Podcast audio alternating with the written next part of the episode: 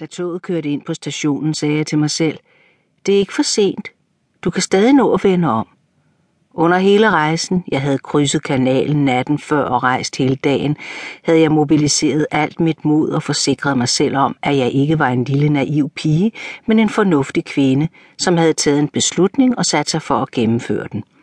Hvad der ville ske med mig, når jeg kom til slottet, afhang af andre, men jeg lovede mig selv, at jeg i alt fald ville bevare værdigheden og opføre mig afslappet og skjule for dem, at jeg var helt panisk ved tanken om, hvad der skulle blive af mig fremover, hvis de slog hånden af mig. Ingen skulle nogensinde få at vide, hvor meget denne opgave betød for mig. For første gang i mit liv følte jeg, at mit udseende var med mig. Jeg var 28 år gammel, og i mit gråbrune rejseslag og filthat i samme farve, mere praktisk end udpræget klædelig, så jeg ikke en dag yngre ud. Jeg var ugift, og det havde afstedkommet utallige medlidende blikke, ligesom jeg ofte havde hørt mig selv betegnet som gammel jomfru, og det der var værre. Det havde altid irriteret mig, fordi det slog fast, at en kvindes eneste eksistensberettigelse var som tjenende ånd for en mand, en opfattelse, jeg lige siden min 23 års fødselsdag havde sat mig for at modbevise. Og jeg mente, jeg var godt på vej. Der måtte være andre muligheder, og jeg trøstede mig med, at jeg havde fundet en af dem. Toget sagnede langsomt farten. Vi var kun to, der skulle af, for uden mig en bondekone med en kurv æg i den ene hånd og en levende høne i den anden. Jeg fik alle mine kufferter ud på perronen, og der var mange, fordi de indeholdt alt, hvad jeg ejede af tøj og redskaber, der var nødvendige for mit arbejde. Der var kun én drager, og da han fik øje på konen, råbte han, Skynd dem, madame, ellers bliver barnet født, før de når frem. Deres datter fik de første vejer for tre timer siden, og jordmoren er ankommet. Man må endelig håbe, at vor herre skænker hende en søn denne gang. Hvad skal hun dog med alle de piger?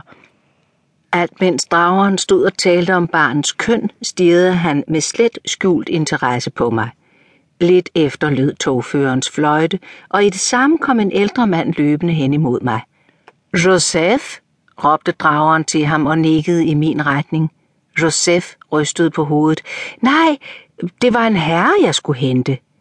Er de fra Chateau Gaillard? spurgte jeg på fransk, som jeg havde kunnet tale flydende, siden jeg var en lille pige.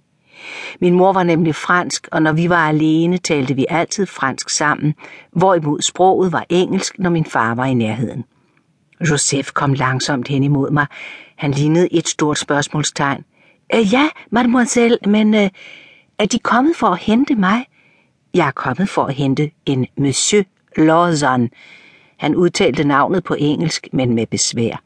Jeg smilede og forsøgte at se nonchalant ud, i det jeg udmærket vidste, at det her var den mindste af de hørtler, jeg skulle over. Jeg pegede på adressesedlerne på min kuffert, hvor der stod De Lawson.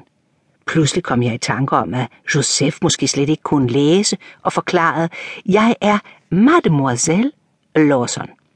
Fra England? Jeg nikkede. Jeg havde fået at vide, at jeg skulle hente en engelsk herre.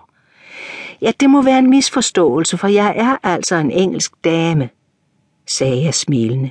Han kløede sig i nakken. Nå, skulle vi ikke se at komme afsted, sagde jeg og så på alle mine kufferter. Drageren kom hen imod os, og da jeg så, at han og Josef udvekslede meget sigende blikke, sagde jeg med opbydelsen af al min autoritet. Vær så venlig at sætte min bagage op i køretøjet, så vi kan komme afsted. I årvis havde jeg øvet mig i at beherske mig, og der var efterhånden ingen, der kunne gennemskue mig og se ind i mit usikre indre. Selv her i Frankrig så det ud til at virke. Josef og drageren bar min bagage hen til den hestetrukne vogn, og et par minutter senere var vi på vej. Er der langt til slottet? spurgte jeg. Knap to kilometer. Vi kan snart se det, mademoiselle. Jeg betragtede de frodige vinmarker omkring mig. Vi var i slutningen af oktober måned, og vinhøsten var overstået, og inden længe ville man være i gang med forberedelserne til næste års høst. Vi kørte igennem den lille by, der bestod af en kirke, et rådhus og snævre, krogede gader med huse og forretninger på begge sider. Kort efter fik jeg det første glimt af slottet.